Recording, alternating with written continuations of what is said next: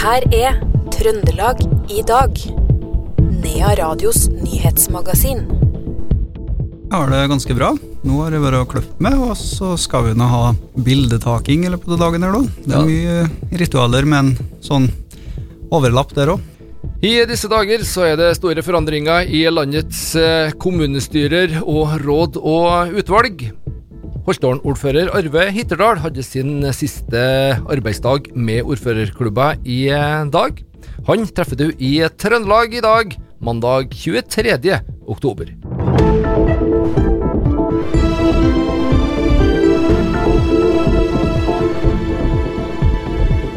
En kvinne ble funnet død ikke langt fra et industriområde ved Langegga på Røros eh, søndag formiddag. Kriminalteknikere fra politiet jobba søndag på stedet, og pga. kvinnens utenlandske statsborgerskap så har òg Kripos vært involvert. Operasjonsleder Trond Hangås sa til Adresseavisa i går ettermiddag at politiet ikke har mistanke om at det har skjedd noe kriminelt i saken. En enebolig på Ottesøy sto i brann i natt. Trøndelag politidistrikt opplyser at beboeren i huset hadde kommet seg ut eh, på egen hånd etter å ha varsla nødetatene. En eh, periode var det òg fare for eh, spredning, og beboere i et nabohus ble derfor varsla i tilfelle det ble aktuelt med evakuering. I skauen er det funnet flere døde sidensvans i et busskur nylig. Det er Trønderbladet som skriver denne artikkelen, som er gjengitt på NRK. En fugleekspert sier det ikke er uvanlig at fugler et gjæra rognebær og blir rett og slett full. I morgen tirsdag så skal Håkon Hermanstrand holde foredrag om hovedfunnene i Sannhets- og forsoningskommisjonens rapport som ble levert til Stortinget tidligere i sommer. Hermanstrand er en av tolv kommisjonsmedlemmer og har jobba med denne rapporten. Han er også postdoktor ved Nord universitet og prosjektleder ved Samien Sihte. Kommunedirektøren i Røros, Kjersti Forbord Jensås, mener det her er en viktig rapport. Det har jo òg kommet fram selvfølgelig en del eh, resultater fra Røros sin egen historie, da, spesielt knytta til barn. Eh, men det her går jo mye lenger inn kun Røros kommune. Det går jo inn i det sørsamiske området og berører flere kommuner selvfølgelig i regionen, men i hvert fall Røros kommune. Vi følte på et ansvar for å formidle denne resultatet og funn i denne rapporten, da, som vi da ønsker å ha et arrangement for et åpent arrangement. Og så er det naturlig for oss, og vi inviterte da AJG, Språksenteret på Røroset, da, og Rørosmuseet til å være samarbeidspartnere våre da, på dette arrangementet. Jeg må spørre, Er det her òg aktuelt eller interessant for folk utenfor den samiske befolkninga? Ja, selvfølgelig. Det her hører jo til egentlig nasjonens historie, da, vil jeg jo si. Så det er jo interessant for alle. Um, og sånn sett så er det jo ikke bare Røros kommune, men vi tenker jo òg fordi at det vi er en samisk forvaltningskommune. Uh, og det er òg spesielle funn som har som sagt da, vært gjort uh, i Røros egen historie, men òg i det sørsamiske området. da. Det sa kommunedirektør i Røros, Kjersti Forbord Jensås. Det er bestemt at det skal være maks 200 moskuser på Dovrefjell vinterstid. Nå er det rundt 233 individer. Det er flere grunner til at man ikke skal overskride 200-grensa. Blant annet er det lett at sykdom sprer seg dersom det blir mange dyr og de vandrer bort fra områder de skal holde seg på. Derfor skal det nå tas ut 25 dyr.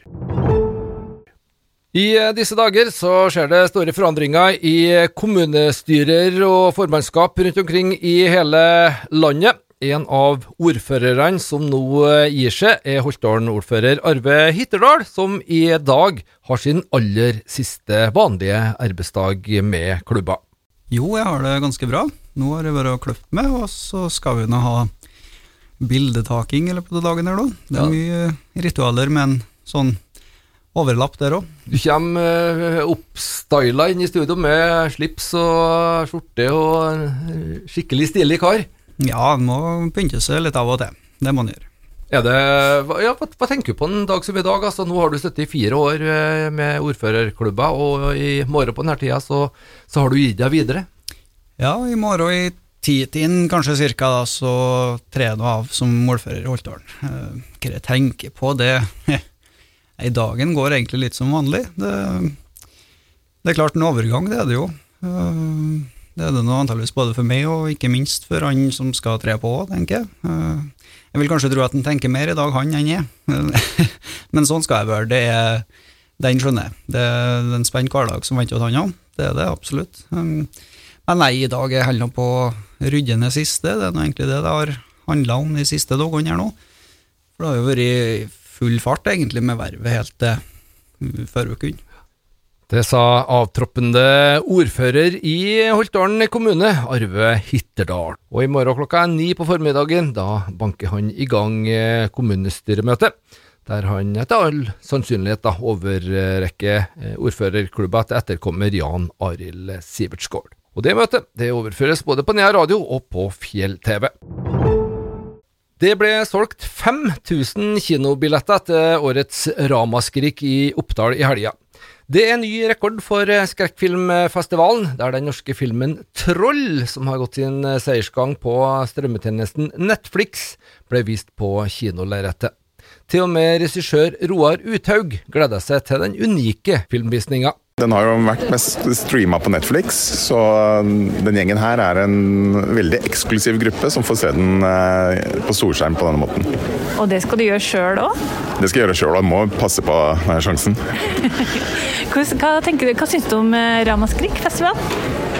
Jeg ser det står på plakaten at det er Norges skumleste, men jeg mener at det er Norges hyggeligste festival. Eh, veldig koselig her. og Dette er tredje året mitt på rad jeg er her nå. og Gleder meg til å komme tilbake neste år igjen. Også. Ja, For du kommer tilbake neste år, ja? Ja, det blir ikke eh, høst uten ramaskrik. Det høres veldig bra ut. Eh, du har gjort noe spesielt tidligere i dag, kan du si litt om det? Ja, i, i år eh, så har de jo fått med en lokal kar som har en veldig flott hjemmekino eh, hjemme. Så der har de veldig eksklusive visninger for tre-fire publikummere. Så i dag har jeg vært og introdusert Fritt Filt, min første film, for eh, tre oppdølinger der som skulle se den i hjemmekinoen der. og hvordan var det? Hadde de mange spørsmål? Ja, de hadde noen spørsmål. og så um, fikk de popkorn og koste seg med filmen. og Hvordan blir det å presentere denne filmen nå i dag foran det her publikummet? Eh, det blir kjempegøy. Eh, veldig gøy å få se filmen sammen med et publikum. Regissør Roar Uthaug der. Det var Randi Grete Kalseth Iversen fra Radio E6 som hadde laga det her innslaget. Vi tar med litt sport på tampen, for den som ikke har fått med seg allerede. Rosenborg hadde ikke vunnet en eliteseriekamp siden i august, og heller ikke hjemme mot Stabæk i går ble det tre poeng. Tidligere Rosenborg-spiller Mushaga Bakenga raga høyest på et innlegg og hedda inn ledelsen til gjestene etter bare 13 minutter. Etter drøye halvtimen så var Ole Sæter frampå og tuppa inn reduseringa. Flere mål ble det ikke, og Rosenborg er da nummer ti på tabellen. 30 poeng, bare 6 poeng foran Stabæk, som ligger på kvalikplass. Og ikke store jubelscener hos eh, damene heller. Rosenborg sitt kvinnelag måtte eh, se seg slått 2-0 av Brann på bortebane i går kveld. Trønderne, som før denne runden leda serien, er nå forbigått av Vålerenga med to poeng. Da var det atskillig triveligere å være trønder i håndballhallen. Kolstads håndballherrer vant en solid seier mot Sandnes i går kveld, 39-25. Simen Ulstad Lyse ble toppskårer med ni mål. Vi skal tilbake til fotballbanen, og nå skal vi til Levanger, som er klar for Obos-ligaen. Det betyr at i helga så har det vært en durabel eh, opprykksfest. Og det er Trønderavisa som skrev skriver det. Det gikk eh, bl.a. rykter om at det skulle festes helt til sola gikk opp. Noe styreleder i Levanger fotball, Svein Myhr, mer eller mindre bekrefter. Ja, det tenker jeg det ble. Og stemningen var fantastisk. Dette var noe som mange har jobba hardt for og venta på. Så når det da spenningen utløses, så det er klart at da da både skade og målet feires. Så det gjorde de. Ja, for det her har vært en uh, sesong utenom det vanlige sjøl for uh, Levanger. Og uh, dere har vært dere har liksom vært litt sånn tilbakeholden med å snakke om noe mye opprykk. Men tallenes tale er jo ganske klar. Dere har vunnet samtlige kamper denne sesongen. Eh, hva, hva sier det om Levanger fotball? Først så tror jeg det, det, sier noe om en fantastisk jobb som er gjort uh, på feltet av både trenerapparatet, spillerne og det apparatet rundt.